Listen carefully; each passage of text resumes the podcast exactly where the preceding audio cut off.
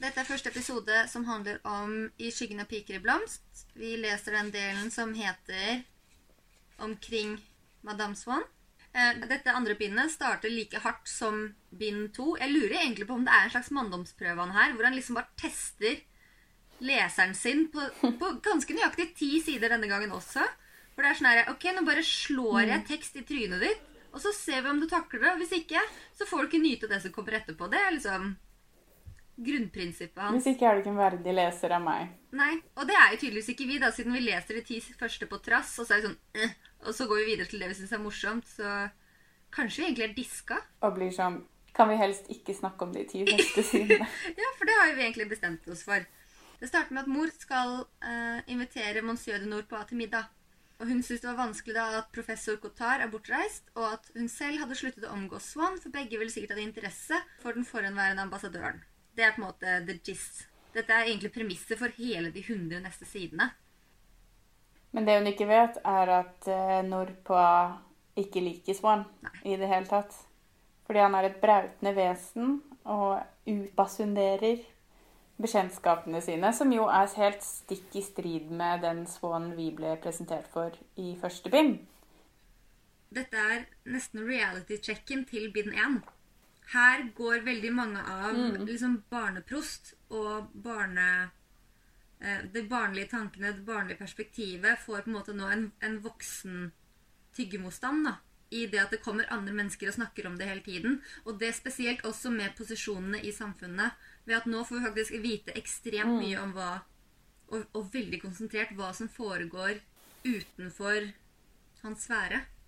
Ja, for den, blir, altså den der barnligheten og den der opphøyelsen av alle menneskene rundt ham blir jo satt veldig på prøve ved at han fortsetter. Han har fortsatt de der barnlige begjæret etter å snakke om og komme nærmere Odette og Swan og Gilbert og La Berma og hele sulla midten.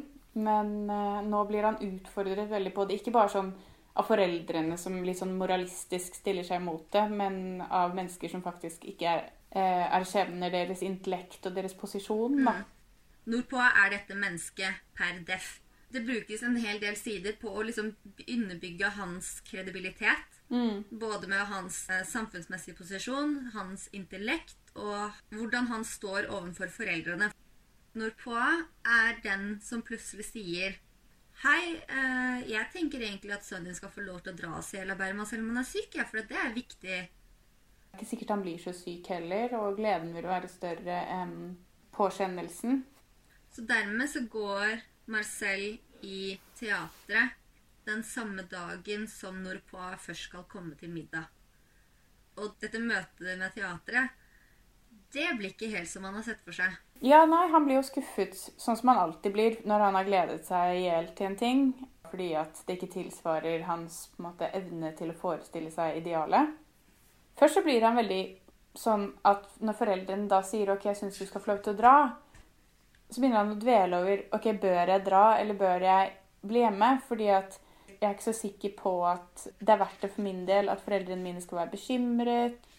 Og da setter han opp en slags sånn pros and con-liste, hvor det på ene siden ulemper ved å dra, føle at mamma er trist, risikere ikke å komme på Champs-Élysées, eller på den andre siden, som en eh, fordel, jansenistisk blekhet, solarisk myte, som da selvfølgelig er La barma som fedra.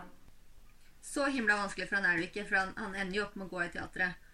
Eh, og det er jo selvfølgelig Fedra, som du påpekte i forrige episode, eller når det var, at det helt sikkert var noe sånt hun hadde spilt. Nei, altså, først og fremst så blir han veldig forvirra, fordi han har aldri vært i teatret før. sånn at når forspillet begynner, så er han jo sånn derre Hvorfor står de menneskene og er så frekke og krangler ute ved scenen? Og på en måte blir sånn herre Nei, tenk om det ødelegger opplevelsen, og tenk om publikum blir sinte og skuffet, og tenk om hun La Berma blir eh, frustrert og gjør en dårligere rolle.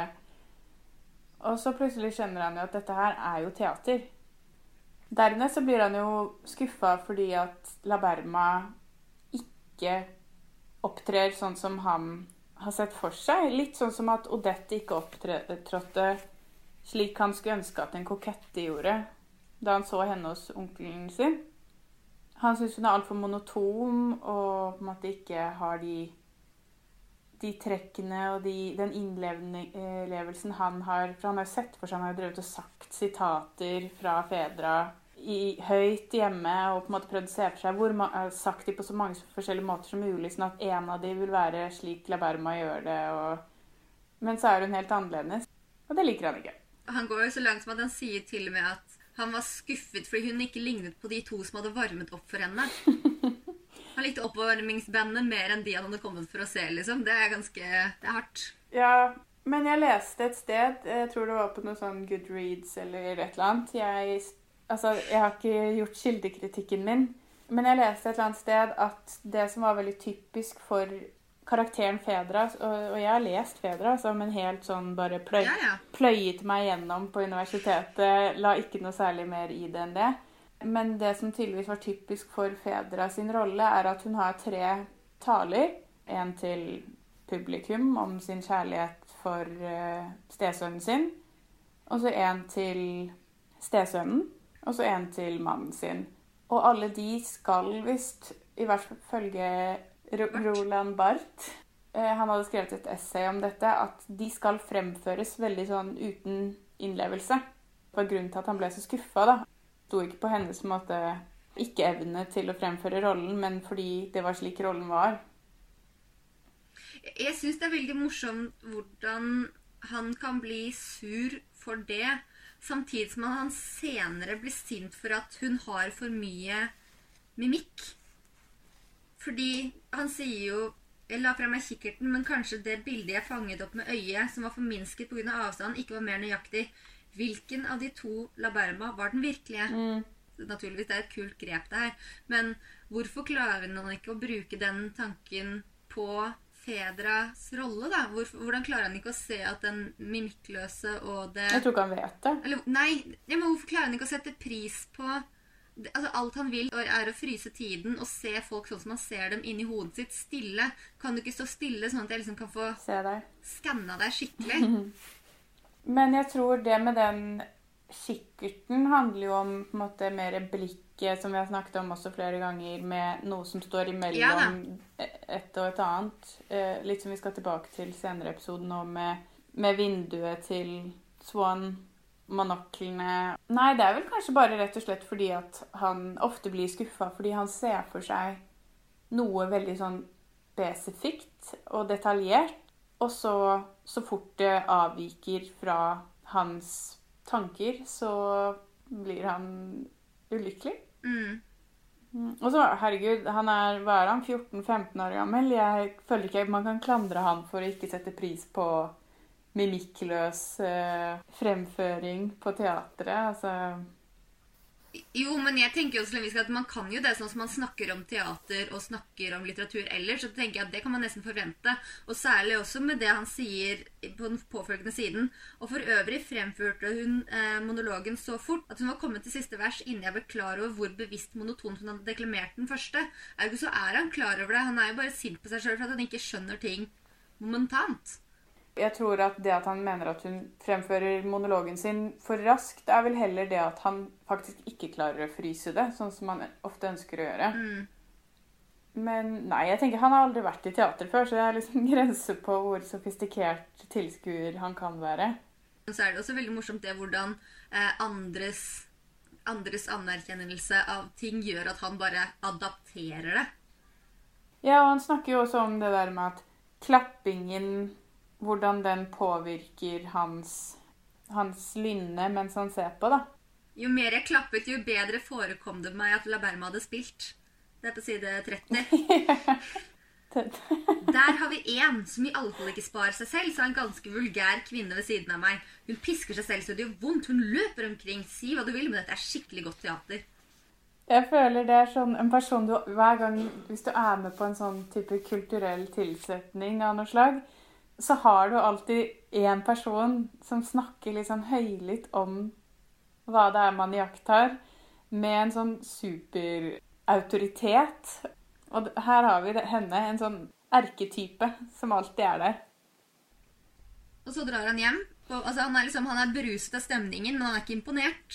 Nei, han er ikke imponert i det hele tatt. Han treffer Norpoa hjemme hos seg, som jo da er sånn Fordi han er jo egentlig veldig glad for at Norpoa har på påvirket familien hans til å la ham dra. Og det har nok Norpoa et eh, slags inntrykk av at han bør være òg. Så da han kom hjem, så um, er han jo rett på sånn Ja, du må jo være helt over deg av lykke, og du har vært i teater og sett La Berma, og jeg har ikke sett akkurat dette, men sånn La oss snakke litt om hvor fornøyd du sikkert er nå. Og da er han jo helt veldig skamløs, direkte og ærlig på at dette var han ikke så veldig fornøyd med, rett og slett. Og så blir faren dritsur. Hvordan kan du påstå at du ikke hadde noen glede av forestillingen? Din bestemor har fortalt at du ikke mistet et eneste av La Bermas ord, at du satt og stirret så øynene holdt på å trille ut av hodet på deg, og at du var den eneste i hele salen som oppførte deg slik. Ja, jeg hørte etter alt jeg kunne for å oppdage hva som var så storartet. Hun er selvfølgelig veldig god. Hvis hun er veldig god, hva er det du beklager deg over? Og så kommer Monsieur Norpoain og bare kupper hele greia med la, la, la, la, høflighetsplikt, opptrer sjelden med middelmådige roller, Fedra, mm, sikker smak, na-na-na Sjakka, sjakka, sjakka. Sjakka, sjakka, sja. Kjedelig, kjedelig, kjedelig. Og så er liksom plutselig er jo da Marcel helt enig. Jeg syns jo helt seriøst at du burde få rollen i Fedra. Som sånn Union eller noe. Sjakka, sjakka, Bare sånn blinke litt øyer. For en skjønn stemme, hvilket fravær av overdrevne utbrudd, hvilket enkle kostyme, hvor intelligent av alle Fedra. Nei, jeg ble sannelig ikke skuffet. Så det er sånn Å, nei! Han er, som han selv påpeker, på, påpeker, føyelig som flytende væske i en vase. Selvstendig som et foster.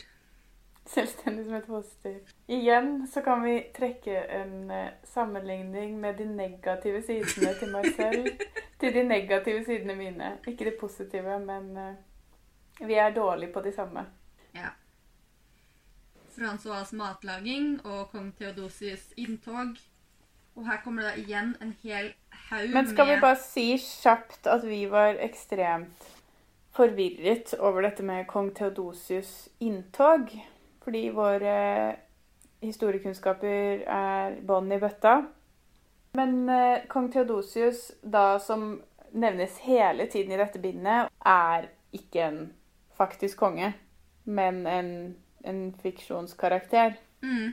Men han var eh, en konge på 400-tallet eller et eller annet sånt noe, som var lagde en av de første lovene mot homoseksualitet, og det er antageligvis derfor, kan man se for seg, at han har valgt det navnet. Men det er ikke, man går ikke glipp av en slags sånn historisk referanse med at dette navnet nevnes om og om igjen.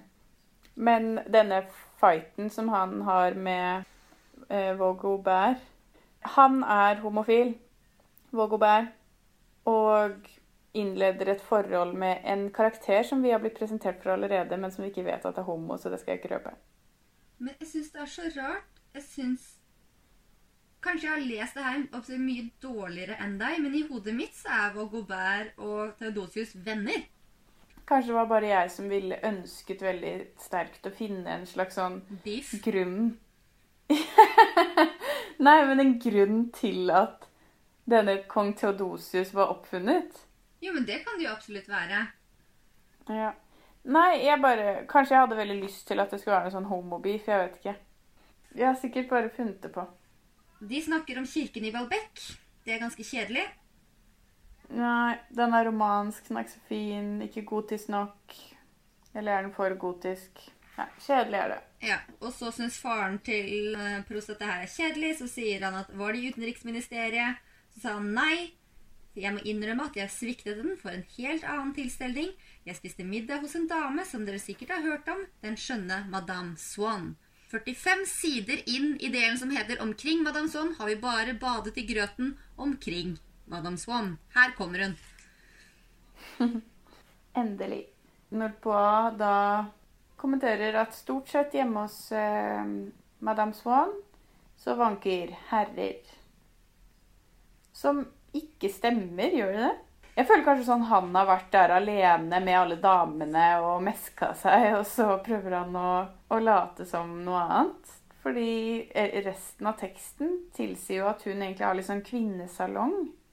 Da får man også liksom vite hvorfor Eller hva som har skjedd med Odette og Swan. Fordi at jeg har jo tenkt litt sånn Ut ifra hvor Swans kjærlighet sluttet Hva i alle dager er det som har gjort at dere to har giftet dere, flyttet sammen og fått et barn? Mm.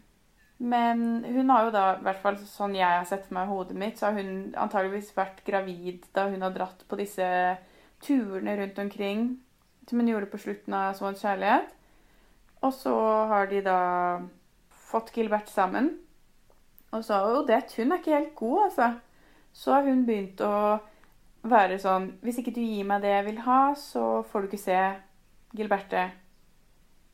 Det, man føler at man nå i denne delen her får litt sånn derre Litt mer sånn inntrykk som ikke er så subjektivt av forholdet mellom Fy faen, jeg har lyst på de bilene du spiser. Mm, de er så gode. Eh, norsk godteri. Fra Sortskjold, folkens. Vi er ikke sponsa. Nei, jeg har lyst på norsk godteri. Nei, jeg føler at du nå får litt sånn mer inntrykk Mer sånn objektivt inntrykk av den relasjonen da, som vi nå frem til nå bare har hørt han bable i vei om fra hans synspunkt. Jeg tenker om ikke øh, Om ikke så veldig objektiv, så i hvert fall en litt mer nyansert analyse. Ja, selvfølgelig, Du kan jo aldri ha et objektivt inntrykk av noens relasjon, men på en måte sånn Nei, det er, men det er bare litt hvordan han legger det frem også. sånn der, eh, Jeg antyder ikke derved at det finnes pariser av det gode selskap som skal oppført seg respektløst overfor madame Swann. Nei og atter nei. Det er noe hennes mann for øvrig aldri ville ha funnet seg i.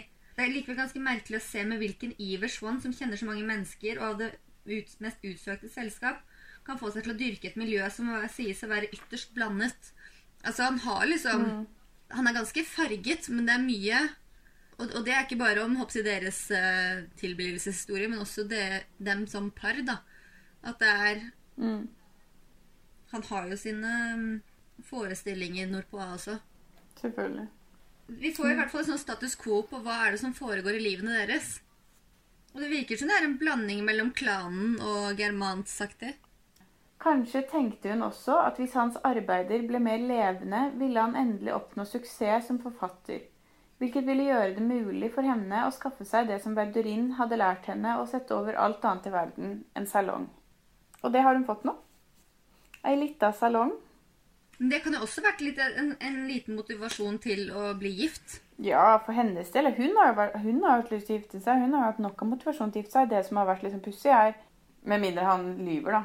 Etter at han mente at han hadde på en måte blitt helbredet fra denne forelskelsen eller kjærligheten som nesten førte han til grunne. Hvorfor ble han? Og selvfølgelig så har man jo skjønt at det har noe med datteren deres å gjøre, men også liksom hva slags posisjon er det han har i det, og hvor ulykkelig er han, eller hvor ulykkelig er han ikke, på en måte. Og så har han egentlig en slags analyse av ekteskap også. Sånn ekteskap mellom forskjellige sosiale lag. Men så syns jeg også det er veldig fint det han sier at det vanærende ekteskap er gjerne det beste av dem alle. Men så begynner han i hvert fall å spørre nordpå om alle mulige For hittil har han jo spurt mye om Swan, og nå begynner han også å stille spørsmål om sin favorittforfatter, Bergot. Det er jo ikke en forfatter nordpå vet å sette pris på, for å si det sånn. Ikke imponert i det hele tatt, og der krasjer de jo helt. For han spør var Bergot kanskje i middagen til Odette, og det var han. Og det er da han begynner med den kritikken av, av uh, Bargot som kunstner av kunsten for kunstens skyld. Det har vi ikke tid til, rett og slett. Det må Hvis vi skal skrive litteratur og være viktig, så må det skje noe, skje noe, skje noe. Det her kunne vært sagt i forrige uke. I en tid som vår, da livet er blitt så komplisert at vi knapt får tid til å lese, da europakartet har undergått dyptgripende forandringer og kan hende står i ferd med å undergå enda flere og mer omfattende, da nye truende og problemer møter oss overalt, vil dere sikkert medgi at man har rett til å vente av en forfatter at han er noe mer enn en estet som i ørkesløse og spissfindige diskusjoner og med rent formelle kvaliteter får oss til å glemme at vi ethvert øyeblikk kan oversvømmes av en dobbelt flom med barbarer som truer oss utenfra så vel som innenfra. Jeg vet at dette er den frykteligste blasfemi mot den hellige skole som de herre litteratene kaller kunst for kunstens skyld. Men i en tid som vår finnes oppgaver som er mer presserende enn å sette sammen ord på en velklingende måte. Ja. Har Brandes bare kuppet Prost litt her? Jeg synes kanskje det som er mest alarmerende med denne kritikken her, er jo det der at han faktisk mener at altså han begrenser litteraturen til å skulle ha én virkning. For det er på en måte sånn Hvor trist det skulle være om alt det var rom for Altså at alt det var rom for at skulle være god litteratur, var én type litteratur med ett formål. Nei, men jeg tror nok at hvis eh, Norpoa skulle få bestemme, så hadde det vært en litt mer sånn Her skal vi ha oppbyggelig, liksom motiverende, sterk litteratur som viser oss tingene hvordan de er, og forslag til hvordan det blir bedre. Ja, ja, ja. Han leste sikkert ikke mye romaner. Nei, Jeg kan ikke se på at han var stor fan av Baudelaire. Det som er gøy da, er jo at han kritiserer jo eh, Marcels skrivning fordi at å ja, du liker Bergot. Det overrasker deg sikkert ikke å høre at jeg hos deg ikke fant noen av hans positive sider. for, for Bergot er tross alt uovertruffen en helt bestemt og for øvrig nokså overflatisk stil som man i din alder ikke engang kan besitte på et begynnende stadium. Jeg blir så, Men du oppviser allerede de samme feil. jeg blir så irritert, for jeg blir sånn Ikke gi dette mennesket noe mer tvil. Sønderknust av det Monsieur de Norpois nettopp hadde sagt om fragmentene jeg hadde vist ham, mens jeg dessuten tenkte på alle mine problemer når jeg selv ville skrive et essay, eller bare hengi meg til litt alvorligere refleksjoner, ble jeg enda en gang slått av min intellektuelle ubetydelighet og manglende litterære evner. Altså, feel you, Marcel Proust. Jeg heller er ikke i stand til å skrive et essay av noe spesielt eh, åndelig sterk karakter. Du må faktisk lese det siste sitatet fra det avsnittet der også. Men det var nettopp denne tilstand som kom til uttrykk i mitt prosadikt. Det var ingen tvil om at Monsieur de Norpois øyeblikk hadde grepet og avdekket dette som for meg synes vakkert, men som i virkeligheten var en ren illusjon, siden ambassadøren ikke hadde latt seg lure av den. Han hadde tvert om nettopp vist meg hvor uviktig jeg var. Parentes, når jeg ble vurdert utenfra, helt objektivt, av en velvillig innstilt og intelligent ekspert. slutt. Jeg følte meg lamslått, tilintetgjort og lik en flytende masse som skifter størrelse alt etter den vase som rommer den. Hadde min ånd skrumpet sammen og blitt ganske liten. Endte den etter tidligere å ha vokst umåtelig for å fylle geniets veldige omfang, nå i sin helhet hadde fått plass innenfor den trange middelmådighet hvor Monsieur de Norpois plutselig hadde lukket den inne. Jeg elsker å være en flytende masse i en vase. Jeg er det hele tiden sjæl. Senest i går var jeg en flytende masse i en vase. Men så spør han om Gilberte. For han må gjennom hele Han må gjennom alle de han er fan av. Så nå lurer han på om Lurer han på om Gilberte er der, kanskje? Eller var der, Mm. mener jeg. Ja, og det var hun. Og han ble presentert, og hun ble presentert med henne og var virket meget søt. Og så sier han at 'jeg leker med mademoiselle Swan på Champs-Élysées'. Hun er helt vidunderlig. Så nå begynner han på en måte å tørre å innrømme litt mer sånn eksplisitt sin begeistring for Mm. personene da, i denne familien. Eh, han er på en måte hakket mer vågal enn han var da, han, da vi slapp han sist. Det er vel kanskje ikke en, en frisk manns begeistring han utviser, fordi eh, når tilbyr seg da å gi en hilsen til dem Ja, det er morsomt. Mens han sa dette, var Monsieur Norpois i noen sekunder ennå i den samme situasjon som ethvert annet menneske som kunne høre meg omtale Swan som en meget intelligent person, hans forfedre som høyt ansette vekselsmeglere, hans hus som et pent hus, som trodde at jeg ved en annen anledning kunne snakke om en annen person som var like intelligent, om andre vekselsmeglere som var like vel ansette, om et hus som var like pent. Det var det øyeblikk da en normal person som snakker med en sinnssyk, ennå ikke har oppdaget at den andre er gal. Ja. Men som han påpeker selv, det er et øyeblikk. Så litt gal er han unektelig. Fordi han vil kysse han. I dette tilfellet vil han kysse hans, hans hender. Og jeg blir rødmer. Jeg blir så flau på hans vegne, for jeg føler det er så innmari corny, hele den derre Det blir bare flauere, altså ikke bare for vår del, men i hvert fall for Marcels del, når han sier at, at man ikke har noen makt over hvilke minner som fester seg ved ens person. At man på en måte ikke vil overdrive sin betydelighet. Det sitatet ligger på, um, på Instagrammen vår. Men når han da senere får høre at 15-16 år senere så er det dette Norpoa husker om han når de møtes, og at han blir så flau over det, da. Du, du kysset nesten hendene mine. Ja. For å få viderebrakt en hilsen. Og det var sånn på en måte litt kleint. Ja, fort gjort. Fort gjort å ha lyst til å kysse folks hender i begeistring. Ja. Fordi han vil jo da gjerne at um, Eller at Norpoa skal snakke om han foran eh, Swan og Odette. Og så sier han i Odette vakte forestillingen om hennes eget liv og hennes egen bolig ingen mystisk uro, og en person som kjente henne, som kom på besøk i hennes hus, synes henne ikke å være et eventyrlig vesen slik som det gjorde for meg, som gladelig ville ha kastet en stein inn gjennom vinduet hos Swan hvis jeg hadde kunnet skrive på den at jeg kjente Monsieur de Norpa. Åh, det er så vondt. Jeg kjenner nordpå. Heldigvis som går eh, nordpå hjem for alles beste. Endelig. Eh, og da er mamma sur fordi far har sagt ja, ja, men sønnen vår kan bare bli kunstner. Ikke noe pes. Mm. Og så sier far, som tydeligvis utbryter alt han sier Han kan ikke bare si noe, han må utbryte. Men ta det da med ro, utbrøt min far. Man må først og fremst ha glede av det man gjør. Han er ikke noe barn lenger og vet godt hva som interesserer han. Sannsynligvis kommer han ikke til å forandre seg og er i stand til selv å avgjøre hva som vil gjøre ham lykkelig i livet. Og så kommer generasjon prestasjon.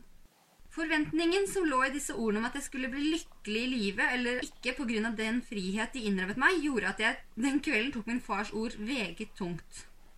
Det var to tanker ved dette her som var forferdelig smertefulle.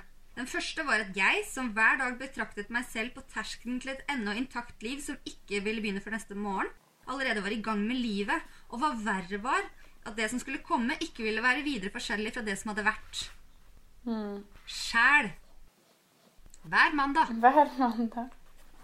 Den andre anelsen, som sant å si bare var en variant av den første, var at jeg ikke var hevet over, men tvert imot underkastet tidens lov.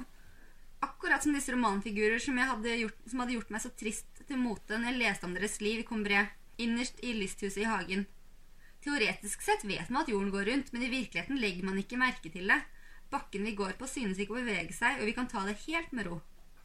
Slik er det også med tiden. For å få oss til å føle at den flyr, er romanforfatterne nødt til å la urviserne rase rundt slik at leseren på to minutter kan gjennomløpe både 10, 20 og 30 år. Øverst på en side har man forlatt en elsker full av håp. Nederst på neste side finner man han igjen som 80-åring, mens han stavrer seg frem under sin daglige spasertur rundt gårdsplassen på gamlehjemmet, nesten uten å reagere på de ord man henvender til ham, og uten erindring om fortiden. Ved å si til meg han er ikke lenger noe barn, hans interesser kommer ikke til å forandre seg, osv., hadde min far plutselig fått meg til å se meg selv i tiden, og han voldte meg den samme sorg som jeg skulle vært, om ikke ennå den skrøpelige oldingen på gamlehjemmet, så en av disse skikkelser som forfatteren mot slutten av en roman omtaler slik, en likegyldig tone som er spesielt grusom. Han forlater stadig sjeldnere sitt hus på landet. Han regner med å ende sine dager der, osv. Sjakka, sjakka, sjakka. Han forlater stadig sjeldnere sitt hus på landet. Er det litt morsomt at mannen som har skrevet disse gigantiske verkene, faktisk kjenner at han må skrive 'også videre' to ganger. Jeg fikk pryl for det en gang på barneskolen. Men Ja, for det var ikke, det var ikke greit. I sjette klasse så var det sånn der eh, Jeg skulle skrive en, en eller annen stil, kortstil, og så skrev jeg liksom 'Været herjet, na-na-na', 'Det lynet tordnet', og så videre, og så videre. Og så fikk jeg i margen 'Dette er ikke lov'. Skriv hva du mener. Og da er jeg sånn Å, oh, sorry. Jeg har aldri skrevet 'og så videre' en tekst igjen. Og det var da du, som den veslevoksne personen du var, var sånn OK, men på side 65 i bind 2 av På sporet av en tapte tid, så skriver Marcel Prost osv. Så, så skrive et brev til kontaktlærer. Ta den dumme norsklæring fra Løten barneskole. Ja. Ja.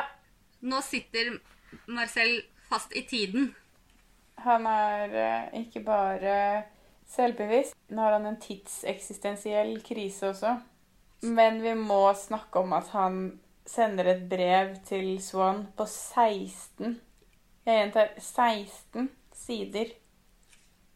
Om hvorfor han er rett person for datteren hans, og hvorfor han ikke har noen uheldige tanker for, for hva han skal gjøre med henne fremover.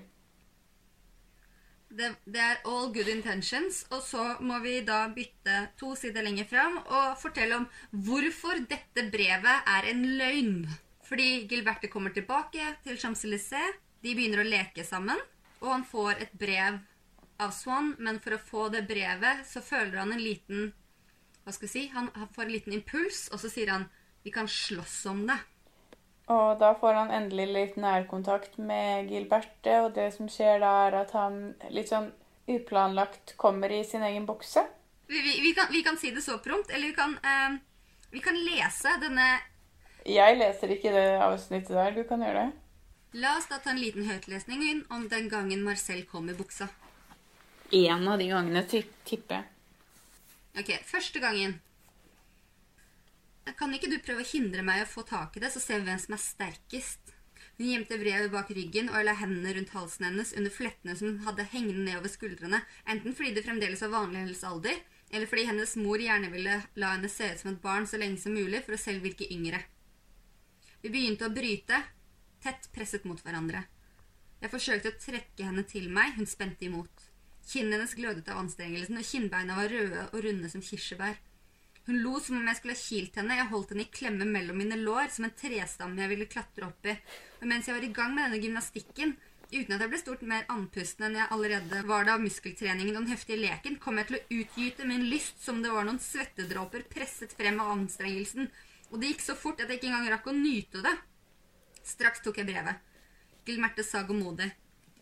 Hvis du vil, kan vi godt slåss litt mer.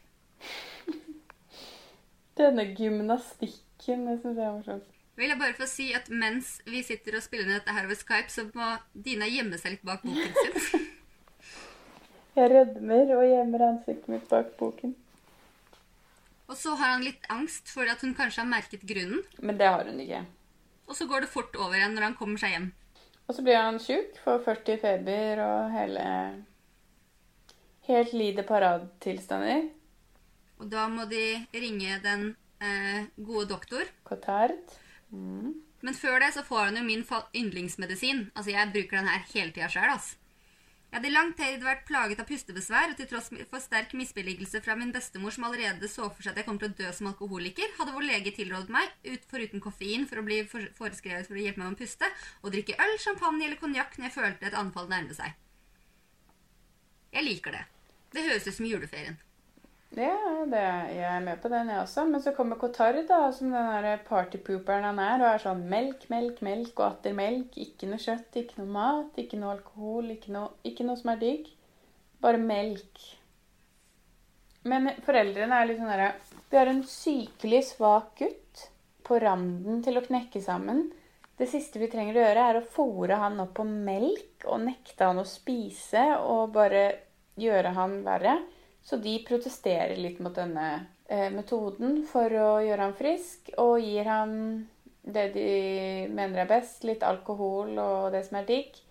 Og så blir han jo bare dårligere og dårligere, og til slutt så er de sånn OK, la oss prøve litt melk. Og han får det. Blir frisk etter veldig få dager. fordi det som på en måte er med Cotard, er at alle snakker om den der intuitive sansen han har for å forstå sykdom. Men i hvert fall så blir han jo frisk, og de blir sånn Jøy, Cortard fikk det til. Så får han et brev, gitt. Så får han endelig det brevet han har ønsket seg så lenge. Et sympatibrev fra I hvert fall 120 sider. Ja, mer òg, tror jeg. Han får et sympatibrev Hvor hun faktisk kaller han 'min kjære venn'. Ja, det er ikke måte på hvor gode venner de er nå. Og han, han, blir til og med invitert i dette T-selskapet hennes, som jo har vært på en måte, symbolet på hvor, hvor uoppnåelig livet til Gilberte er for ham. Nettopp fordi det er så tilgjengelig for venninnen hennes. Nå er han plutselig invitert inn i hennes lille minisalong, og herfra blir det en riktig solskinnshistorie for deres del.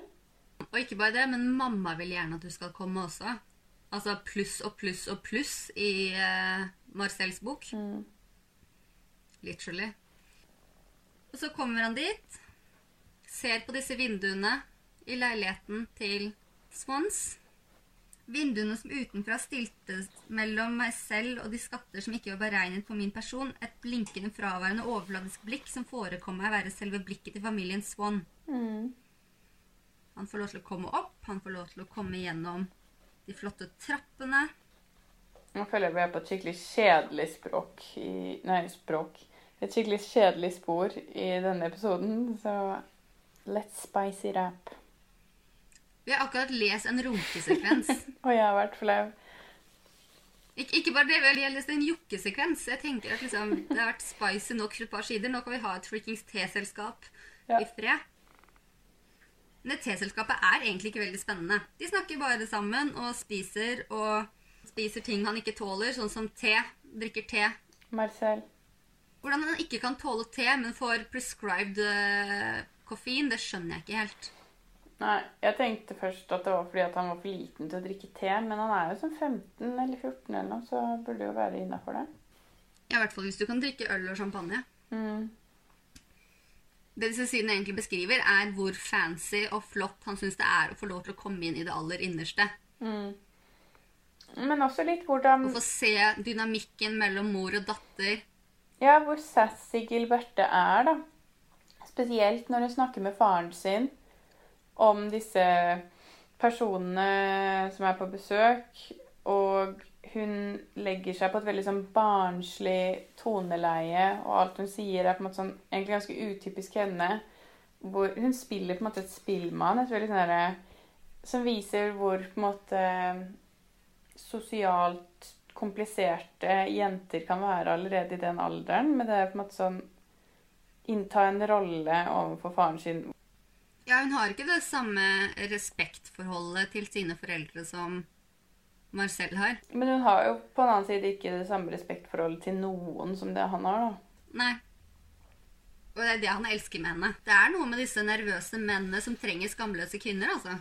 Nei, Det som var litt morsomt å få vite, er jo at denne For de begynner jo å snakke om gjestene, og det er to gjester som sitter igjen. Det er Madame Cotard, og så er det Madame Bon Temps, er det hun heter, eller? Mannen til Madame Bontemps skal da vise seg å være onkelen til Albertine. Ja! Som jo er eh, Marcels fremtidige store kjærlighet. Hvor Gilberte er veldig sånn Ja, igjen litt sånn sassy. Det er onkelen til en pike som gikk på samme skole som meg, i en klasse langt under min, den berømmelige Albertine.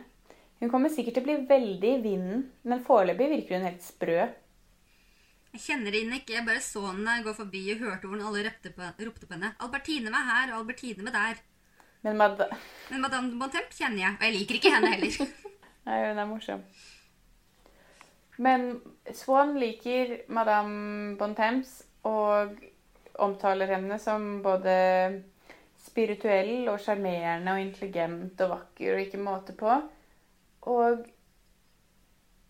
det er litt sånn at han mener at eh, det er litt den samme tilbøyeligheten som Swan viste da han var i sosietetsmiljøet. Ved at man på en måte eh, For de snakker jo om at de som får lov til å få innblikk i, eller innpass i aristokratiet, er enten folk som har guermants vidd, eller som har en kongelig posisjon. Og de som er aristokratiske på noe vis, de er ofte veldig kjedelige i forhold til de som er der pga. vidden sin. Så Swan har vært en ekspert tidligere på på en måte Ja, å si liksom sånn Ja, OK, men eh, ta helt sånn normale tilbøyeligheter og karaktertrekk og gjøre de til en positiv ting for de. Og det er akkurat det han driver på med nå med eh, Odettes sin salong og de som besøker den, og på en måte opphøye helt sånn ubetydelige egenskaper. Han sier sånn Dette er jo hos Guermans, da, men han sier eh, om Jeg tror det er om prinsessen av Parma, kanskje. Eh, så sier han sånn Herregud, jeg ville ikke nettopp be henne om, om å kommentere Kants klinikk av den rene fornuften, men hun er ikke usympatisk. Sånn. Hun er ikke noe særlig smart, og jeg er ikke så veldig interessert i hva hun har å si, men hun er i hvert fall ikke helt forferdelig heller. Men det synes jeg er veldig Det siste som skrives der på side 99 evnen til å si slike ting og samtidig være oppriktig, hadde Swan ervervet i hertuginnens selskap, og han hadde ikke mistet den. Men da skjønner jeg ikke helt hva du mener. Altså, Si det med en, en genuin tone, eller med en faktisk oppriktighet. Nei, jeg tror de mener at han sier det med en oppriktighet, men at det han sier, er egentlig ikke noe sånn spesielt kompliment. Nei. Skjønner jeg mener? Han, han er sånn Så han mener helt oppriktig det han sier. Det er ikke løgn, men det er bare Han fremstiller det som en på en måte sånn Som en, på en, måte, en tilbøyelighet hos et menneske som han faktisk verdsetter. Men egentlig så er det helt vanlige egenskaper, som at man ikke er usympatisk, eller som at man på en måte De bruker ofte ordet sjarmerende om de som ikke har noe mer å komme med. Og det er ikke løgn, men det er heller ikke noe på en måte Nei, for det er, liksom, det er ditt en, eneste kort. Ja, det er, sånn, det er det minste man kan forvente. At du ikke er usympatisk. på en måte. Mm. Altså, jeg kjenner jo at Jeg tror det her er mye mer likt det resten av Sporet av den tapte tid kommer til å være. Mm. Jeg tror det kommer til å bli mye vanskeligere å snakke om de neste delene enn det det har vært å snakke om bind 1. Må ta høyde for litt av den historien og samfunnskritikken som vi kanskje ikke kjenner så mye til. Mm. At vi kommer til kort, på en måte. Ja. Men da må vi bare invitere med oss en eller annen smarting. Hvis du sitter og hører på og er en jævel i fransk historie, så må du gjerne sende oss en direktemelding hvis du har lyst til å være med og snakke litt om fransk historie i en ekstra episode. Mm. Hva likte du best med den delen her, egentlig? Mm, jeg likte mm, Teaterscenen syns jeg var fin. Ja, teaterscenen var veldig gøy. Eh, Jeg tror nesten Egentlig så liker jeg mange av disse små avsnittene hans om eh, når, han, når han skjønner litt mer av sin egen eksistens og har sånn selvrealiseringsøyeblikk. Men jeg likte egentlig best samtalen mellom Marcel og Norpois. Ja, jeg er enig i det, fordi det, man får litt sånn derre Det blir på en måte rom for Litt sånn hva tenker de om litteratur, hva tenker de om språk? Eh, hvordan lesere er de, og hvordan tilskuere er de, og på en måte Og så er det veldig gøy å lese Marcel i dialog, fordi det er gøy å se han dunke hodet sitt mot veggen en gang iblant, og at, det ikke, at han ikke dunker hodet sitt mot tomrommet hele tiden. Altså at det at han får litt motstand, er veldig mm. Ja, Jeg tror det er givende kanskje- både for karakteren og leseren, på en måte. da. Ja, jeg føler kanskje han ofte prøv, har prøvd å snakke litt med sånn hjemme om ting han bryr seg om, og du merker jo at når han snakker om La Berma foran Norpois, så er moren sånn derre Ja, nei, min sønn kjenner han ikke, men han er veldig begeistret. Litt sånn derre Vi forstår oss ikke på det, men vår litt rare, merkelige sønn er veldig opphengt i det. Sånn at når han får snakke med Swan eller med Norpois eller hva som helst, så får han på en måte testet seg litt, da. Mm. Ja, ja det er det. Men og Det er der tror... man også merker best den situasjonen hans også. Den der livssituasjonen mellom barn og voksen. Mm, Som ofte kan komme litt skeivt ut i andre deler av boken, hvor han plutselig er veldig barn eller veldig En veldig gammel mann, for helt ærlig. Altså det der, Akkurat den der litt sånn derre itsy, kleine, søkende typen er det mest spennende i de møtene, da. Vi skal spille inn en annen episode En gøy episode, en morsommere episode. hvor vi faktisk får en gjest. Ja. Vi skal spille inn en ekstra episode med forfatter Olav Løkken Reisap, som er aktuell med sin bok på Flamme for forlag i høst. Jeg tror fortsatt Prost tar feil av oss. Vi gleder oss veldig, for jeg tror han har masse interessant å si om Nå legger jeg litt press på Olav, men eh, jeg tror han har masse interessant å si om På sporet en tapte tid. Og vi har masse spørsmål om hans eh, bok i forhold til På sporet av en tapte tid og i forhold til Marcel Proust. Så jeg tror det blir helt knall, og vi skal sitte og spise madeleinekaker og brioche og drikke te og ha fransk salong 23.12. med ham. Ja, det blir veldig, veldig gøy. Og så skal vi endelig treffes igjen. julebord. Ah, det var li altfor lite engasjement. Jeg er liksom så stoka, så kommer du Joho, Ja, jeg gleder trivelig meg. å se deg i morgen. Ja, nei, jeg gleder meg til å se deg. Jeg bare Jeg er litt sånn uh, åndelig svak og uambisiøs, sånn at jeg virker alltid, aldri veldig engasjert. Nei, jeg gleder meg masse til å se deg, selvfølgelig. Og spille inn episode. Sammen. Vi skal uh, veie opp for åndelig svakhet og pustebesvær med koffein, konjakk, sjampis og øl. Og tusen koronas. Skal vi call it a day? Da runder vi av. Gracias por la episoda. Adios.